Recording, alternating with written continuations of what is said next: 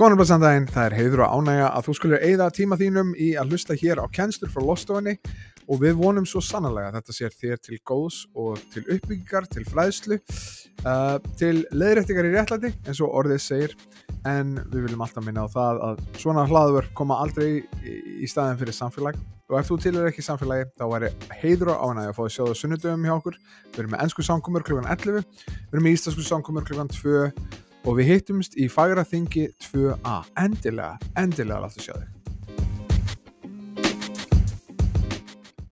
Amen. Það var fjórir. sem segja amen. Allavega, þannig að í dag þá ætlum við að dvelja á, uh, ef þú hefur ekki dvalið, eða þú veist, ef þú, ég veit ekki hvað þú hefur verið að gera, kannski Karen, hún býr svona nokkur meginn undir stein, þar sem hún er ekki á Facebook lengur. Karen, vissur þú að það væri stríð í gangi? Já, ok.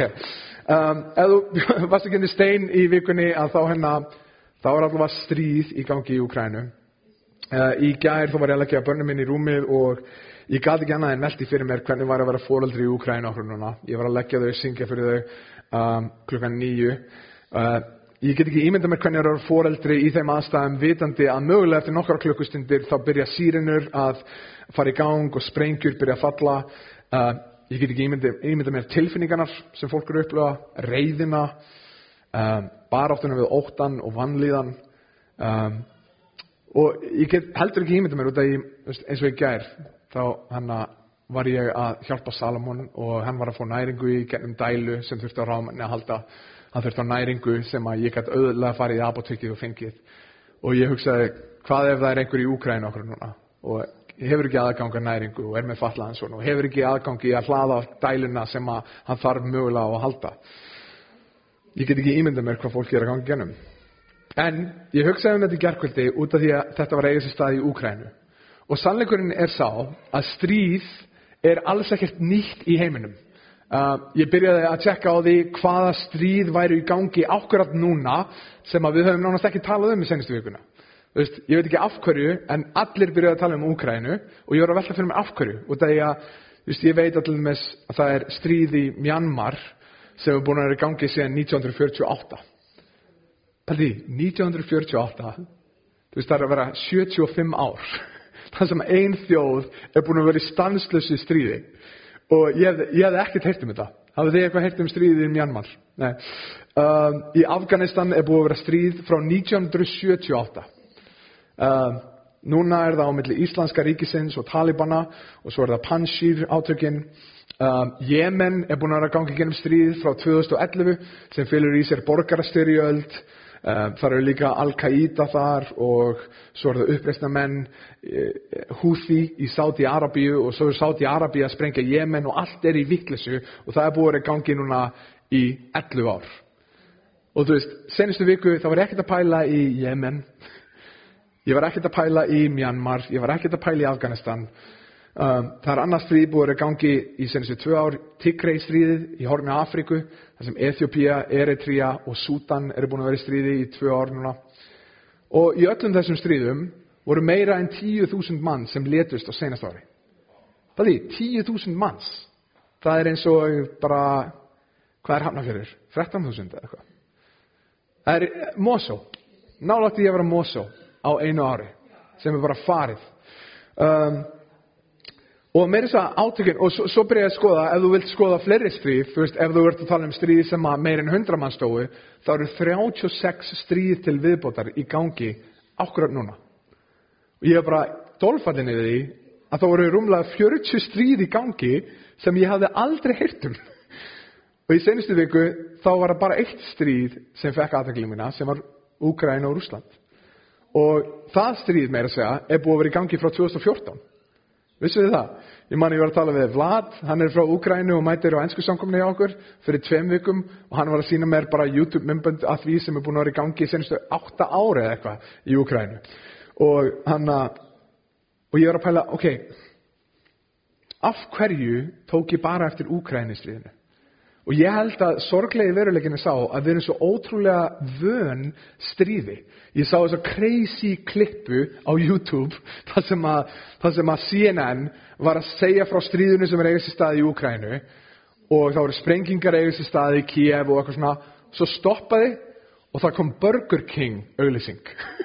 Þú veist, við erum það vön stríði að við getum klift frá því að vera að tala um döðsföll, sprengingar, eðlaða byggingar yfir í, herru, við ætlum að taka smá pásu og tala um Burger King, besta borgarinn í bænum. Og, og ég var bara svona vá, hvað þetta er surrealist að við séum það vön að heyrum stríð að það sé eðl eða þú veist, kannski ekki eðlilegt en þetta var mjög skrítið að sjá bara já, þessar fréttir gefin það þér á Burger King eða eitthvað svoleiðis.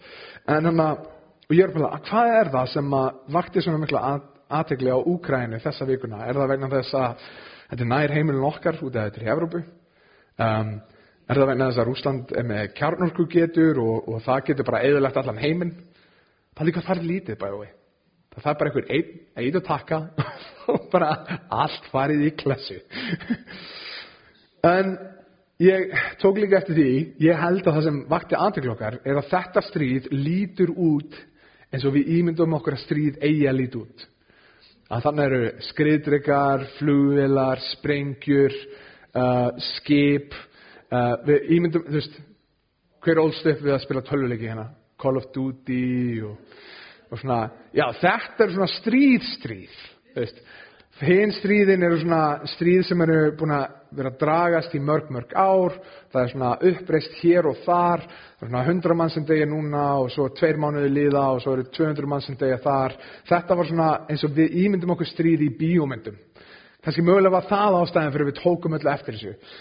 En við vöknum við þá staðrind að stríð var hafið en staðrindin var svo að stríð hafði aldrei lokið Það hefur bara aldrei verið pása í mannkins sögunni í stríðum. Nefnum bara þetta stríð var alltaf innu mjög augljóst. og við höfum tekið eftir því, uh, við höfum tekið okkur smá tíma að staldra við og, og spurt okkur um, hvernig fagnaröndum Jésu dílar við mismunandi viðfangsefni. Og núna á fyrstu daginn, ég var að fara að byrja um hvernig fagnaröndum Jésu dílar við að deyta einstaklinga.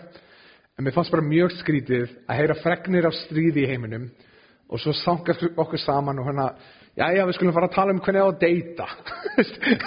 ég veit ekki, mér fannst það svo kjánalegt.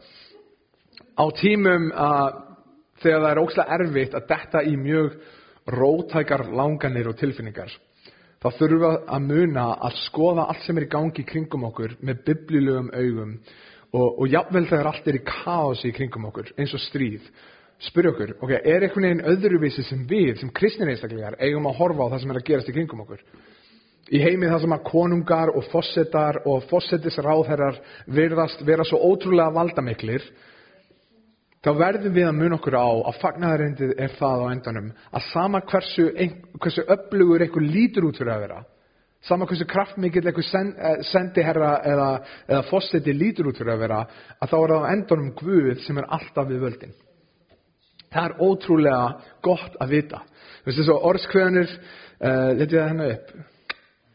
Nei, ég leti það ekki upp. En orðskveðanir 21. kapli í versi 1 þá segir hjarta konungsins er eins og vasslækir í hendi drottins, hann beigir það til er honum þóknast. Þannig að við horfum oftast á konungin, á fossetana, á fossetisráðherrana sem eru með rosalega stór orð, stóra heri, stór, stórt vald á bakvið sig og við sjáum kannski bara það vald en Biblian segir okkur á bakvið það þá þurfum við stundum bara að horfa aðeins harra og sjá að þessi konungur, þessi fosseti, þessi fossetisráðherra í raun hefur ekkert í það sem Guð hefur. Hann hefur loka orðið og hann getur svara bænum fólksins Hann getur komið inn og gripið inn í heimsmálinn í samramið við vilja sinn og hann getur bjargað öllum þeim sem leita skjóð, skjól hjá sér. Og stundum, þú veist, ég veit ekki með ykkur, uh, ég held að allir hafa að díla við þetta. Hver hefur ekki díla við spurninguna af hverju lefur Guði ílsku eða í þessi stað? Já, ég held að allir hafa pælt í þessu eitthvað tíman, þú veist. Og ég man því að ég var að lesa Mattius 13. kapla að þar er dæmisaga þar sem Jésús talar um kveitið og ílgresið. Veit ykkur hvað dæmisögur er að tala um? Hann segir hérna að, að, að kveitið er að vaksa, óvinnurinn kemur inn, sáur ílgresi og það byrjar að vaksa með kveitinu og verkamennir spurja, eigum við að fara að rýfa ílgresið upp? Og eigandinn segir, sem er Guð í þessu tilöki, segir neina, leifir báða að vaksa, þegar uppskeran kemur, þá tökum við kveitið til hliðar og hendum ílgresinu til í eldin. Og þannig að, að skrítið við þessa dæmisögu er að hann undirstrykkar þetta af hverju leifir Guð ílsku að eiga þessi stað? Af hverju leifir hann ílgröðsuna að vaksa? Undarlega svarið við þessari, við þessari spurningu á endanum er vegna miskunnsitar. Þú veist, ég veit ekki hvort að þið hafi áttað ykkur á því, en þið eru svolítið plebbaleg. Vissu þið það? Þú veist, ég er algjör plebbi og ég, ég manna, í svo langan tíma þá var ég að hugsa í rauninni, Guð, af hverju bindur ekki enda á ílsku án þess að fatta að ég var hluti af ílskunni? Þú veist, fyrir mér var alltaf ílskan eitthvað svona, já, sæþór. Af hverju, af hverju stoppar ekki sæþór í að vera svo mikið plebbi? Þú veist, eða, eða hérna haug eða hvað sem er. Þú veist, af hverju stoppar ekki það sem ég tel vera slæmt? En skrýtna svarið Guðs í Biblinni er ástæðan fyrir því ég bind ekki enda á ílsku. Það myndi því að öll jörðin er þið tóm af mannfólki. Dómur Guðs myndi koma og ekkert okkar myndi lifa það af. Við, okkur skortir öll Guðstýrð, við höfum öll feilað á þessu prófi og fyrir mér í langan tíma þá horfði ég svo á að ílska var eitthvað sem ég fekk að upplifa eða sjá en ég fattaði ekki, ég var hluti af ílskunni í bænum, í, bænum, í, í, í heiminum. En munum það, það er engin heimsleitói sem er ofar Guð okkar. Það er engin ó, svo mikil fyrir Guð okkar að hann getur ekki séðum hana. Það er engin her og sterkur fyrir Guð okkar. Og góðu fréttinar eru þær að við lifum ekki og deyjum uh, af miskun fósetta eða fósettisráðherra eða harðstjóra eða ennræðisherra. Við lifum almáttu um Guði. Og hann er góður, hann er alvitur, hann er alelskandi Guð. Og það er svo ótrúlegt. Og þetta er eitthvað sem að gerir það að verkum að við sem kristina einstaklingar höfum stað til þess að bera áhyggjur okkar, til þess að bera bænir okkar og þakkagjur okkar og ég elska hvað Filipe brefi 4, 6-7 segir. Það segir, verið ekki hugsjúkir um neitt. Hefur einhver verið hugsjúkur? Ég elska þetta orð, hugsjúkur um neitt. Heldur gjörið í öllum hlutum óskir ykkar kunnar Guði með bæn og beðni og þakkagjörð. Og friður Guðs og ég elska þetta, sem er æðri öllum skilning. Friður Guðs sem er ekki einu svona lógískur friður. Þann, það meikar ekki sens. Frið, það var gunna þengin. Og friður Guðs sem meikar ekki sens mun varveita hjörti ykkar og hugsanir ykkar í Kristi Jésu. Og ég var að sjá hvað var að gerast í, eh, í Ukrænu og með Rúsland og allt það og ég var að hugsa bara, fadir, viltu gæta hjörti okkar til að gefast þér á vald? Veist, ég var að sjá, ég var eiginlega bara svolítið sáriði, ég sá kristna sem voru eiginlega að fagna dauða einstaklinga í þessu stríði. Veist, þeir fögnuðu dauða út af því að þeir heldum með einhverju ákveðni liði. Um, en mér langaði svo bara að Guð viltu hjálpa okkur að koma með örvæntingu okkar, erfileika og þakkagjörðu okkar frammi fyrir þig og gefðu okkur þinn frið sem meikar ekki sens. Og að lokum er þetta, og ekki að lokum, ég er ekki að klára hérna, þannig að ekki vera, oh yes, hann er alveg að klára, en að, að lokum, að, þú veist, á endunum, þegar það kemur að endunum, þá er þetta sem er von okkar, Guð okkar, Fadir okkar og konungur okkar, þar liggur tríð okkar. Og það sem, að, það sem er brotið hjarta mitt er að ég sé kristna svo ótrúlega fljótir í að binda treyðu sína við einhvern fána, jável eitthvað svona land, uh, en við sem kristnir einstaklingar, og þú veist, ég var að spyrja sjálf með aðeins út í ennsku samkomin okkar, þá erum við tvær ukrainskar fjölskyttur og þrjár rúsneskar fjölskyttur, og ég fann strax svona tension í, henni línan, hvort ætlaði að standa með ukrainu fólkinu eða rúsneska fólkinu, en munum að það sem að tryggð okkar liggur er ekki hjá okkur um fána. Heimili okkar er ekki það sem vegabrifið segir okkur að heimili okkar sé. Ég elskar hvernig Biblan talar um við erum öll ferðalangar, við erum öll á leiðinni heim, hér erum við að tjálta. hér erum við bara í smá pásu og á leiðinni til konungsins. Þannig að það skiptir ekki máli hvort að vegabrifið mitt segir að ég sé Úkrænu, uh, úk, úkrænskur, segir maður það ekki? Úkrænskur, rúsneskur, íslendingur, Suður Afrikani eða hvað sem það er, á endunum þá erum við öll sinir og dætur konungsins. En stríð vekur upp ótrúlega marga spurningar. Þú veist, ættum við sem fylgjendur Jésu að vera fús til að berjast? Eigum við að fara slátra fólki? Eigum við að taka úr samingi vessið sem að Pétur fer og hekkur eirað af af aðstaprestunum, ekkert lesa meira en kringum það bara eitt vess á dag heldur djöflunum í hag eða hvað sem það er. Þannig að ég ætla bara að taka þetta vess já já, Pétur tók hérna sverð og hjóða fólk í eira því ég ætla að gera það ég ætla að vera eins og Pétur. Eða eigum við að vera fríðasinnar það eru margir kristnir í gennum aldinnar sem hefur verið fríðasinnar og sagt nei, við sem kristnir einstaklingar ef við ætlum að feta í fótspor Jésu þá eigum við að taka okkur krossin við eigum að þjást, við eigum að vera tilbúin að deyja en við eigum aldrei að gera öðrum megin eða eigum að hlaupa eða fél okkur það finna er að þú getur, syndist ég sjá hver, hvar sömur lágu, sömur svona, já, við ættum að vera friðasinnar, já, við ættum að fara að ráðast af fólk uh, og já, við ættum að hlaupa í byrtu. Það finna er, þú getur fundið vest fyrir öllum þessum stöðum. Þú getur fundið vest til dæmis, og það er það sem er erfitt þegar kemur að þessu umræðefni, það er ekki hægt að tala um bara svona, hér er eitt basic svar sem virkar fyrir alla, one size fits all, uh, by the way, virkar aldrei á stort fólk ef þeir átt okkur á því. Því að sumir búa kannski við þá sannfæringu að þeir neiti að særa aðra. Og þau geti verið með jafnvel bibljuversi í huga eins og Rómarubuðu 12.19 hefnið ykkar ekki sjálfur þér elskaðir heldur lofið henni refsandi reyði Guðs að komast að og þannig að þau eru já, ég ætla ekki að hefna mín það er verið að ráðast á mig ég neita að ráðast á aðra og allir ætti að vera eins og ég. Það ekki? Aðrir, þeir getur lifið við þá samfæringu að þeir ætti að berjast. Og enn og aftur hugsaðum annað biblivess. Sálmur 82.3 segir rekið réttar bástadra og föður lausara látið hinn þjáða og fátæka ná rétti sínum. Við erum að sjá fátæka bástadra í Úkrænu. Ég ætla að fara að sjá til þess að þeir nái rétt sínum. Þú getur farið í Rómaribröðu 13 og sagt, herðu það er ástæða fyrir því að herrmenni eru með vopn.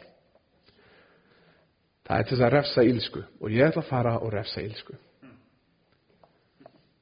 En annar getur sagt, hvað saði Jésu okkur að gera þegar hér kemur til Jérúsalem við ættum að flýja til fjallana? Málið er að það getur verið mismundi einstaklingar með mismundi skoðanir á þessu.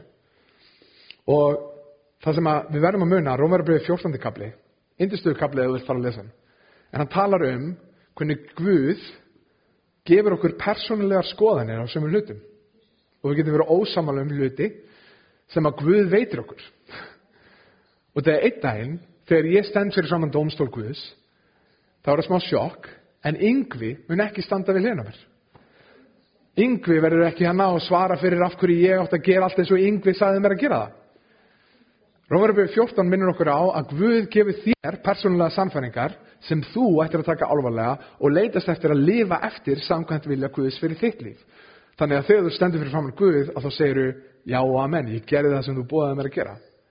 Og mér finnst það ótrúlega áhugavert út af því að, þú veist, okkur núna, eins og ég var að segja okkur frá áðan, við erum búin að styðja Taras Telkovski sem er búin að vera kvítarústandi í fimm ár um, og er að, er að bóða fagnarindi við aðstæður sem að ég bara tengi ekkit við þú veist.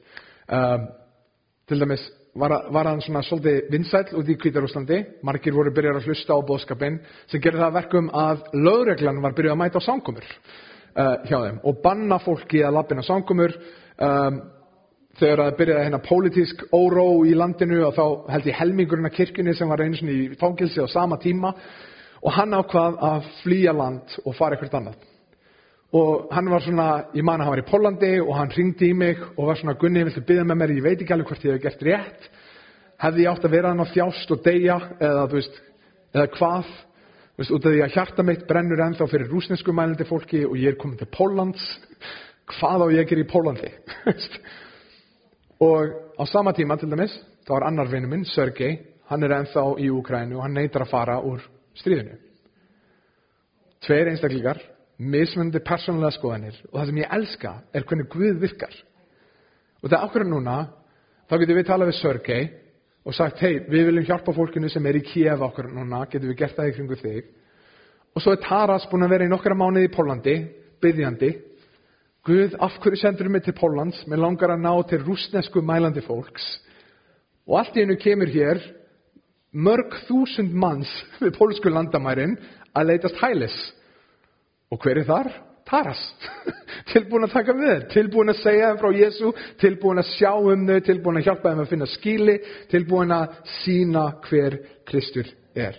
En Biblan segir okkur að hver sem afstæðan okkar er hvort sem það er að fara og berjast hvort sem það er að neyta að berjast að þá ættum við aldrei sem kristin einstaklega að finna gleði eða spennu í stríði uh, og jáfnvel dauða, jáfnvel hinnar óguðlu um, við leitumst alltaf um, í frið. Uh, Mattius 5.9 segir sælir eru þeir sem eru frið, friðflytjendur því að þeir munu kalla þær sinir Guðs.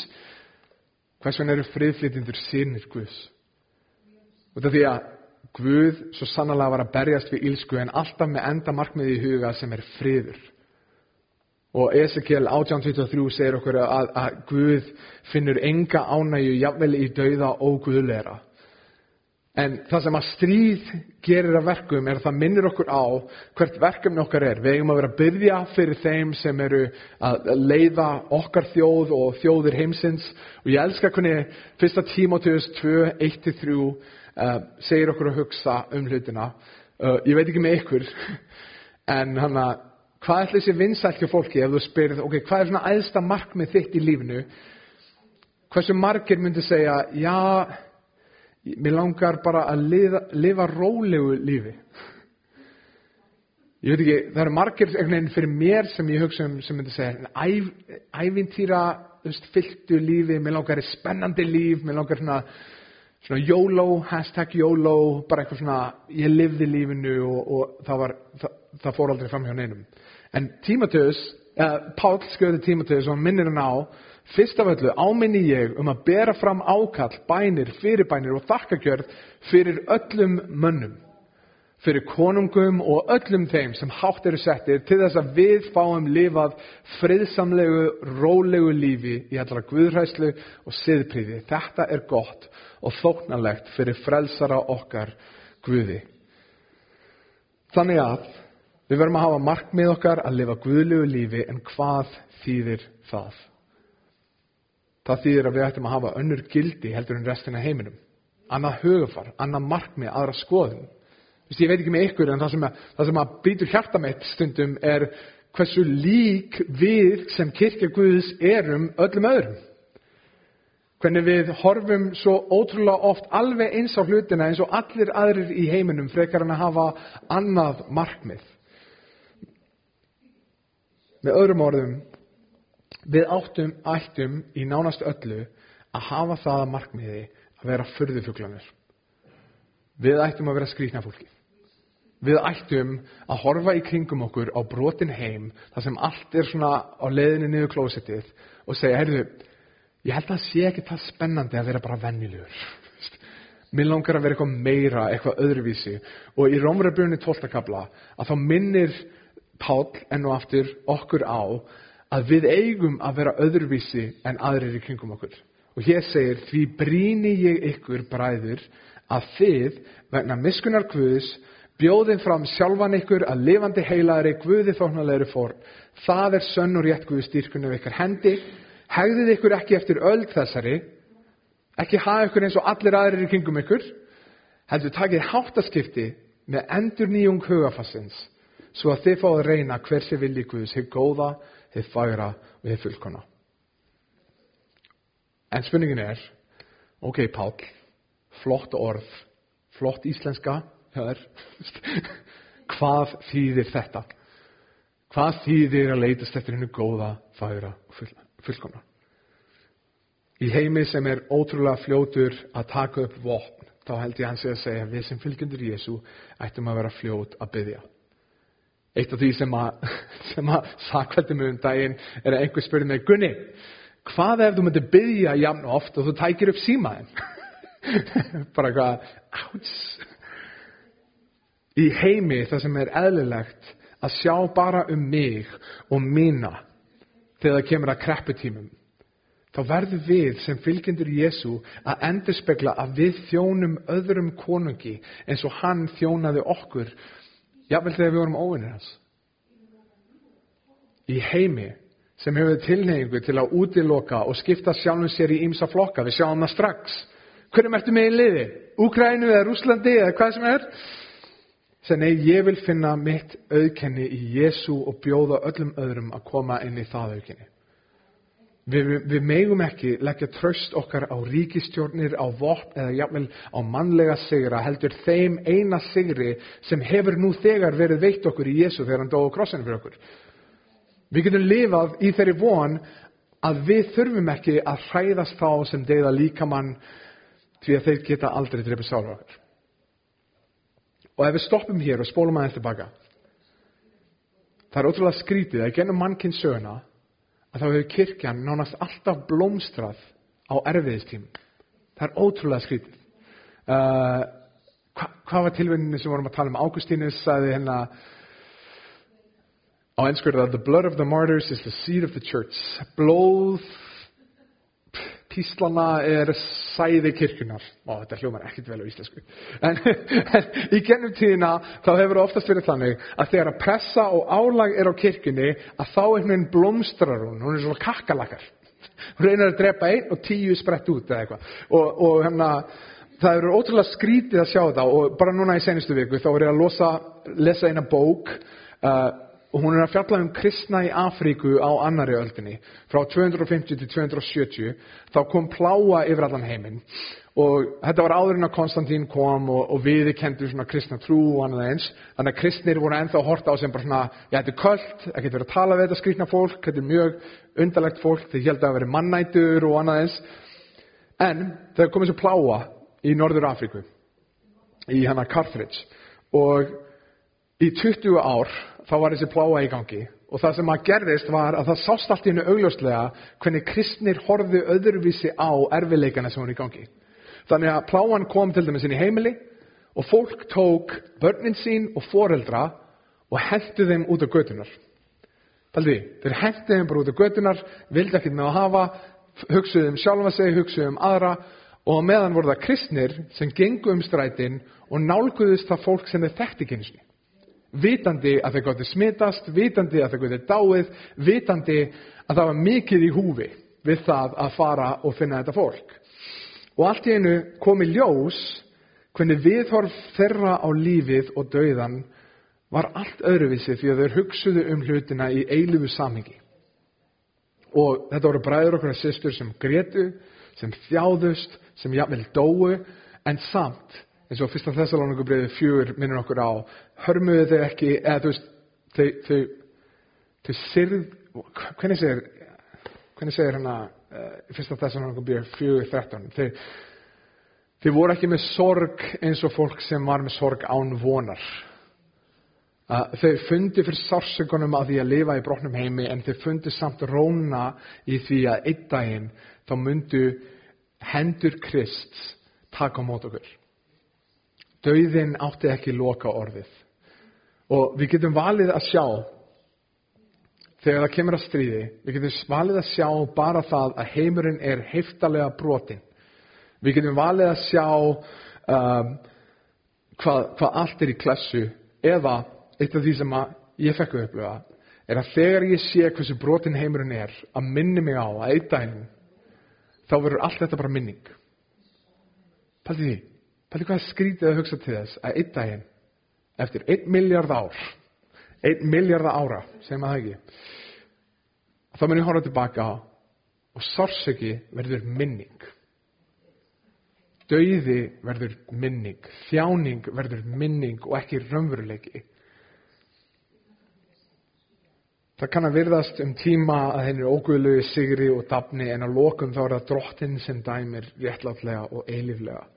Og í Rómarabjörni, það sem Pál hann er að kalla okkur til að vera þessi fyrðufuglar, að þá telur hann upp undarlegan lífstíl, að við sem kristnir í heimi sem fagnar þegar ég vel verið spenntur yfir stríði og er fljótt að leita í vopn, að þá segir Pál okkur hvernig það lítur út að vera fyrðufuglar, aðeins neðar í kaplunum í 12. kapla í Rómarabjörnu, fagnið með fagnendum, grátið með grátendum, berið sama hug til allra, Reykið ykkur ekki en haldið yfir að hennum lítilmótlegu, ætlið ykkur ekki hygna með sjálfum ykkur, gjaldið engum ílt fyrir ílt, stundi það sem fagurt er fyrir sjónum allra manna. hafið frið við alla menn að því leiti sem það er und og á ykkar valdi. Hafið frið við alla menn á því leiti sem það er und og á ykkar valdi.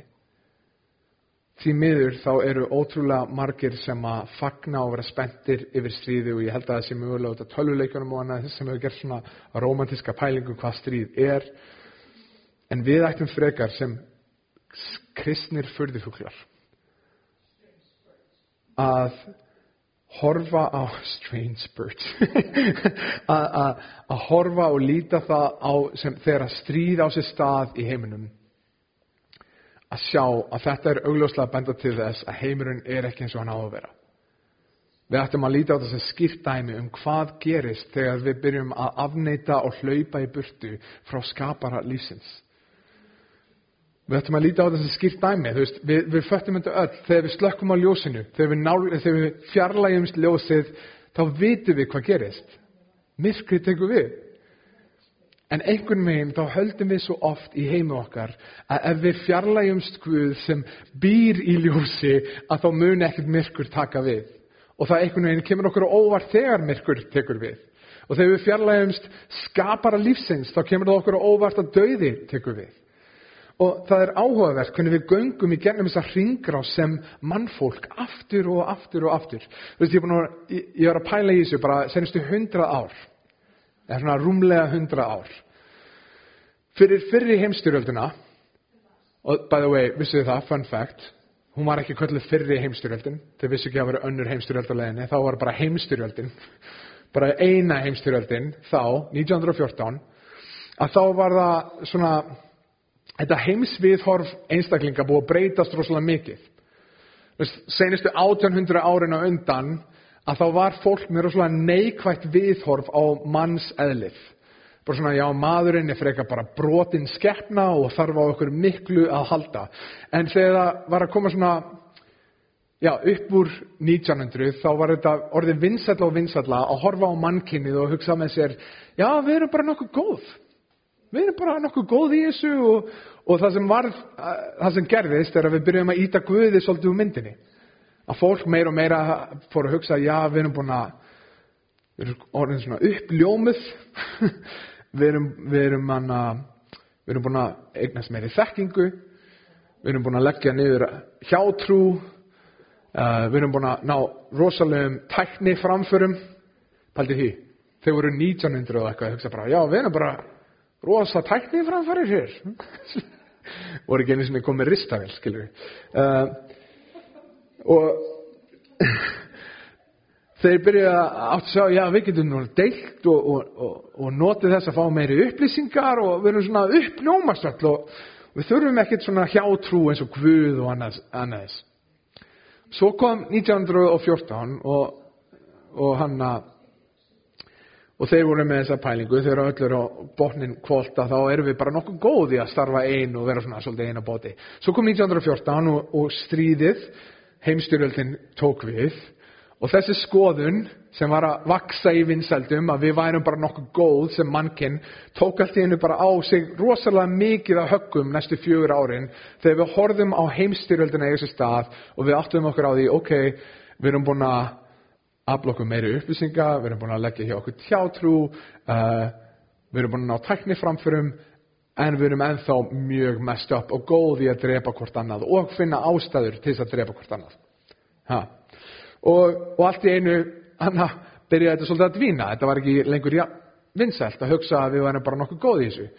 Um, svo eftir þetta, 1918, hættir heimstyrjöldin hann og, og sagan hún byrjar að endur taka sig. Uh, já, kannski endur tók sig ekki en, en, en sagði rýmar samt.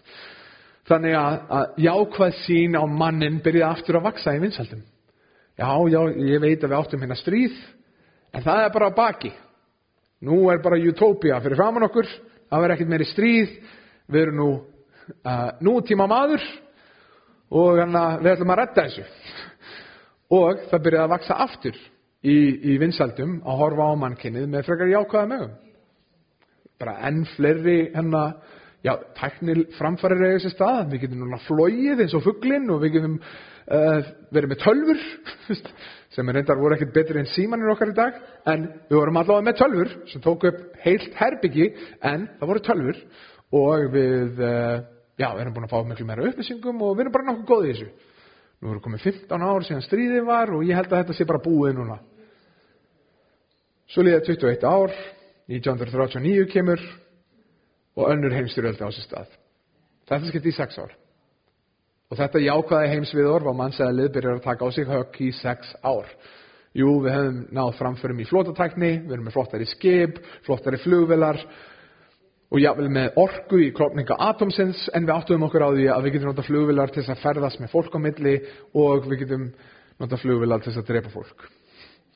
Og já, við náðum að splitta atom og við getum notað það til þess að gefa rafmagni í heila borg eða við getum notað það til þess að eðalegja heila borg og við verðum betri í að sjá í, í, í læknisfræðinni að sjá um þá sem voru uh, særðir en við verðum ennþá betri í því að drepa hvort annað. Í stríðum þá áttum við okkur á því að við erum aldrei jafn frábær og mamma segir að við séum. við erum bara ekki jafn, ég veit að mamma er alltaf eitthvað að reyna að vera jákvæð og svona. Ég er meiri plebbi en mamma segir að ég sé. Við áttum okkur á því í stríðum að jafnvel þegar að við horfum á jákvæðan augum að sjálfum okkur þá verðum við að muna að það er eitthvað mikið, mikið að. Og ég voru að hugsa núna, ok, nú eru 77 ár liðin frá setni heimstyrjöldinni og ég veit, þú veist, mér lákar ekki að tala eins og þriðja heimstyrjöldin sé byrjuð, en ég er bara eitthvað svona, ég er að horfa á þetta stríð og ég er að hugsa, það þarf rosalega lítið til að við dettum bara aftur í svona það þarf ekkert rosalega mikið til. Þetta er bara eitthvað gaur með klikkaðar hugmyndir og þá bara öll, allir heimurinn komin í stríð aftur. Og málið er að við lærum einhvern veginn aldrei að við þurfum og við getum ekki hort inn á við til þess að fá von. Við þurfum eitthvað utan að komandi við þurfum við getum ekki bjarga okkur sjálfum. Við þurfum frelsara til að til að koma og og, og, og, taka okkur og frelsa okkur frá okkur sjálfum. Og það sem ég finnst áhugavert er að fólk er hissa þegar að stríð á sér stað. Af getu okkar til að finna ástæð, ég veist, eina, eina nágrunum mínum, var bara, get ekki öll dýrin í skóinu verið bara vinir? Og ég bara, hvað, nei, lestu mannkynnsöguna, við bókstallega getum það ekki, við erum ömuleg. Við getum ekki verið vinir. Það er einhvern veginn, við fólkunum alltaf hissa yfir því að við finnum alltaf nýjar ástæður til að berjast, alltaf slegin af alvarleika ógnana og eigðileggingarna sem á sér stað þegar við förum að berjast og lít, hversu lítið það þarf til til þess að ít okkur öll bara fram á brúnin, öllum fram á brúninni. En með þetta í huga, þá held ég að það séu nokkra leiðir sem að fagnaðurendum Jésu mætur okkur þegar að frettir af stríði eru yfirvandi. Og þetta er svona innblásið af Rómarabröðinu 12. kabla um að endur nýja hugan okkar. Og ég held að fyrsti punkturinn er þessi að við ættum ekki að vera í samræmiði hugmyndir heimsins um að það sé allt í læg með okkur. Að við séum bara svona nokkuð góð. Vist, ég veit ekki með, ykkur, Vist, ég veit að börnin okkar eru rosalega krútleg þau eru lítil. En, en það þarf ekki að kenna þeim að vera slæm. Vist, til dæmis, svonum minn, Mikael byrjaði einu sinni bara að býta fólk upp á þörru. Ég lofa því, ég kend honum það ekki. Hann var ekki að sjá mig heima, bara var pappi að býta mömmu. Ég ætla bara að byrja að gera þetta. Ná mínu fram. Hann sá þetta ekki á mömmu sinni heldur, þá þurfti enginn að kenna honum að býta fólk. Við þurfum að kenna hvort öðru að vera góð Við erum nokkuð góðið í því að vera slæm samt. það þarf ekki að kenna okkur að vera slæm, það þarf ekki að kenna okkur eigingind, það þarf að kenna okkur að deila. það, þarf að, það þarf að kenna okkur að tampusta en ekki að býta, skiljur við. Um, en við, veist, ok, ef, ef við pælum í Rómarabröðinu 12. kabla, við hefum að vera með endur nýjað hugafar, við hefum að horfa á heiminn öðruvísi en aðrir horfa á heiminn, þá verðum við að muna að við eigum ekki að hugsa um okkur sem bara svona nokkuð góð á því. Og koma til Guðs, og svona, margir koma svona til Guðs, ég, það er bara, minnst það ótrúlegt að ég kem til Guðs, já, ég tók trú og, já, ég ætla bara að fylgja Jésu og, bara, já, ok, gleðið, og hann að, hvað er Guðs svona leggja á þig að breyta í þínu lífi? Já, ég bara, Já, hann sagði það ekki neitt. Hann sagði bara, Gunni, þú stóðst þig bara rosalega vel að hann ég mætti og haltu bara áfram að gera það sem þú veist að gera nei er- svona virka Guð ekki Hva? við verðum að muna sama hversu nútíma væti við verðum sama hversu mikil þekking það er sem við söfnum sama hversu mikið af tækninni flegi fram vandamál mannsins mun alltaf vera það sama og, og Rómaraböð 3.23 seg- segir okkur allir hafa syngað og skorti Guðstýrð og ég tekka á gríska orðinu hana allir og það þýðir sérst allir. Skilur við, meðal hans þú plebbiðin, nei. Uh, allir hafa syngað og skortir Guðs dýr við erum öll búin að feila á prófinu og góði fréttinar er vest 24 og og og og og réttlætast án verðskuldunar af náð hans fyrir endurlausnina sem er í Kristi Jésu stríð því miður í ljósi tilhengingar okkar til að hlaupa frá Guði ætti ekki að koma okkur óvart. En það kemur okkur óvart. Er það ekki? Það kemur okkur samt á óvart og ég er ok, af hverju? Og það held ég bendi okkur á annan lið okkar í dag sem er stríð minnir okkur á að sanna heimil okkar er ekki hér á jörð. Það ástæðan fyrir það kemur á óvart að eigðilegging á sér stað er út af því að Guð, ég elskar hvernig predikarinn í, í þriðakabla í 11. vessi segir þetta, Guð hefur jafnvel látið eiliðina í brjóst manna. Eiliðin er innra með okkur. Það er eitthvað í okkur sem kallar á eftir eiliðinni. Og við getum sagt, allir hafa syngað og skor, skortir Guðs dýrð en okkur langar samt aftur í Guðs dýrð. C.S. Lewis, hann orðaði þetta þannig að hann að, hvernig orðaði hann þetta? Hvernig orðaði C.S. Lewis þetta? Ef þú upplifið þig með þrá sem ekkert í þessum heimi fær uh, mætt, að þá bendir það til þess að þú varst skapaður eða sköpuð fyrir annan heim. Ástæðan fyrir því að stríð kemur okkur á óvart er út af að við erum sköpuð fyrir fullkomin heim. Það er eitthvað í okkur, jáfnvel þó okkur skortir Guðstýrð, þá þráum við Guðstýrð. Það er eitthvað í okkur sem kallar á eftir Guðstýrð. Og við verðum að muna það þegar að eðileggingir er eiga sér stað, ok, ég get annarkvært ákveðið að, að dvelja á eðileggingunni, dvelja á döðunum eða að muna að einn daginn þá verður þetta allt að minningu. Og þessi Guði að fagnaðarendið.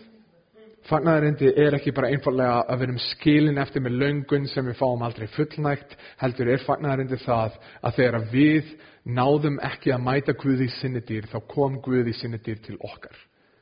Og ég elska það. Þetta er það sem gerir okkar trú svo ótrúlega öðruvísi. Veist, og ég, var, ég man eftir þessu, ég var að skoða trúabröð og ég hallaði staðan mörgum mismyndi trúabröðum og það eru mjög mannleg og eðlileg. Við viljum ekki fá að vita, hvar stend ég? Hvar er einhvern mín? Er ég í 7,5? Er ég í 10? Er ég komin í 4,5 og er að fara að falla? Við viljum vita, hvar stend ég gagvart ég er Guð? Og kristin trú gefur okkur ekki einhvern. Nefna, jú, kannski bara 0. Okkur skortir Guð stýr. við erum, erum öll fallin. Og, og það eina sem við getum gert er að réttlatast án verðskuldunar. Það er ógst að böggandi fyrir okkur. Það er ógst að erfitt að trúa því. Hefur einhver þurft að byggja annan einstaklingum pening? Það er ógislega óþægilegt. Og þetta langar ekki að vera í skuld við eitthvað. Og það sem kristin trú gerir, þegar önnu trúabröð er að reyna að gefa okkur uppskriftir um hér eru skref sem þú þarf að taka til þess að nálgast Guð eða nirvana eða paradís eða hvað sem það er, að þá kemur kristin trú og segir, nei, nei, nei, nei, þetta er það sem Guð gerði til þess að nálgast þig. Þig skortir Guðs dýrð en Guð kom í sinni dýrð í Jésu. Og stríð minnir okkur á hversu hverful lífið er, hversu brotættir hlutir í lífinu sem virðast vera tröstir raun eru. Veist, minnst það ótrúlega áhugavert. Þú getur verið með fjall af peningum eins og Donald Duck. Hvað heitir hann á íslensku? Jóakim Aðalönd. Ok, það er ekkert eins og Donald Duck. Nei, nei, já, það er hinn. Já, það er frendin. Já, alveg. Allavega, við ætlum ekki fara að tala um Jóakim Aðalönd okkur núna. Þú getur verið með fjall af peningum eins og hann. Svo kemur stríð og það eina sem við vantar er vatn og brauð og skíli. Þú veist, þú getur verið með flottasta bílinn, svo kemur stríð og hann er sprengtur í loft upp. Eða þú getur ekki nálgast bensin til að keira flotta bílegin. Allt í einu er, er, er sterkustu byggingar sem lit út fyrir að vera bara ekkert að fara að haggast, búin að molna niður. Lífsmáti þinn geti orðið að engu. Það sem virtist mikilvægt á mánudegi er nú komin á þriði dag og skiptir engu máli. oh boy, yfirmaðurinn vill tala með mig á morgun. Stríð kemur, við erum með starri vandamál. það skiptir engu máli. Það sem virtist mikilvægt er allt í einu orðið að engu. Og við sem fólk ættum að reytast að vera förðufuglar fyrir Krist að vera með endur nýja hugafar eilíft sjónarhór, leifa mér að yfirgefa leifa mér að yfirgefa veralega hugsun og hugsa okkur, hvað er það sem raunverulega skiptir máli hvað ætla ég að lifa fyrir þetta er tækifæri fyrir okkur til þess að tala út fagnarindið en líka til þess að lifa því þess vegna elskar ég það að við getum sem kirkja ákveði núna næsta meðlum að segja, hei skulum fara bara að taka alla reikninga eins lágt og við mögulega getum og fara að hjálpa fólki, bræðurum og systrum öðrum landstöldum til að mæta þeim í þörfsinu það er það sem Jésús gerði fyrir okkur. Og ég elska áskorunna og þetta er áskorunni sem ég langar að skilja eftir með okkur sem eru orði Jésú í Mattiður 6 Samnið ykkur ekki fjársjóðum og jörðu þar sem mölur og rið eigðir og þjóvar brjótast inn og stela. Samnið ykkur heldur fjársjóða himni Það sem korki eyðir mölur nýrrið og þjóvar brótast ekki inn og stela því að hvar sem fjarsjóður þinn er, þar mun og hjarta þitt vera. Livðu ekki fyrir litla dresslið. Livðu fyrir þína eilifu von. Þegar þú stendur frammi fyrir eyðileggingu stríðs, hugsum þá um daginn þar sem allt verður gert nýtt. Þegar þú stendur framme fyrir stríðstöð að hugsa um tíman þegar dauði og sásiki verður að minningu. Það verður augljósara að, að fagnaðarendi um Jésu sé raunverulegt fagnaðarendi þegar að skuggi stríðs uh, er yfir okkur. Og ef þið viljið dvelja á þessu, þá eru bara tveir kaplar sem ég mælu með að lesa í biblunni þegar þið farið heim. Jesaja kapli 2 og 11. Ég elska myndina sem það er. Það tala um lítið barn sem er að leika sem er snák út af það er ekki hætta. Ég veit ekki með ykkur, en mér langar ekkert að leika með snák, jável þó að eiliðin sé komin. En, en hann að það tala um ljónið og lampið sem sitjast niður saman og, og fullkomin heimur er, er að eiga sér stað. Ef þú vilt bara minna þig á, í samræmi við það að lesa vísi og að heyra um eðilegginguna sem er að eiga sér stað, lestu ég segja tvö, lestu ég segja allu, myndið þig á Þetta er ekki von mín. Er, það sem lítur út fyrir að vera svo tröst í þessu lífi mun vera svo hverfult. Og, þegar, og, og ef þú ert hérna inni og ef þú ert ekki búin að leggja vonina á Jésu þá er það eina sem þú þarfst að gera er að taka þetta skref og segja Jésu, þú ert minn drottin þú átt mitt líf ég ætla að gefast þér á vald og ég ætla að trúa því og treysta að þú hafið dáið fyrir mína skuld. Og þetta er gett óþægilegt Þetta að réttlætast án verðskuldinar er rosalega óþægilegt. Þetta drefur egoið. Þú þart að segja ég er syndugur og ég þarf og frelsar að halda. En Jésús hefur greitt okkar skuld á krossinum og einfalda spurningin fyrir okkur er þessi viljum við þykja ókipis náðagjöf Krist.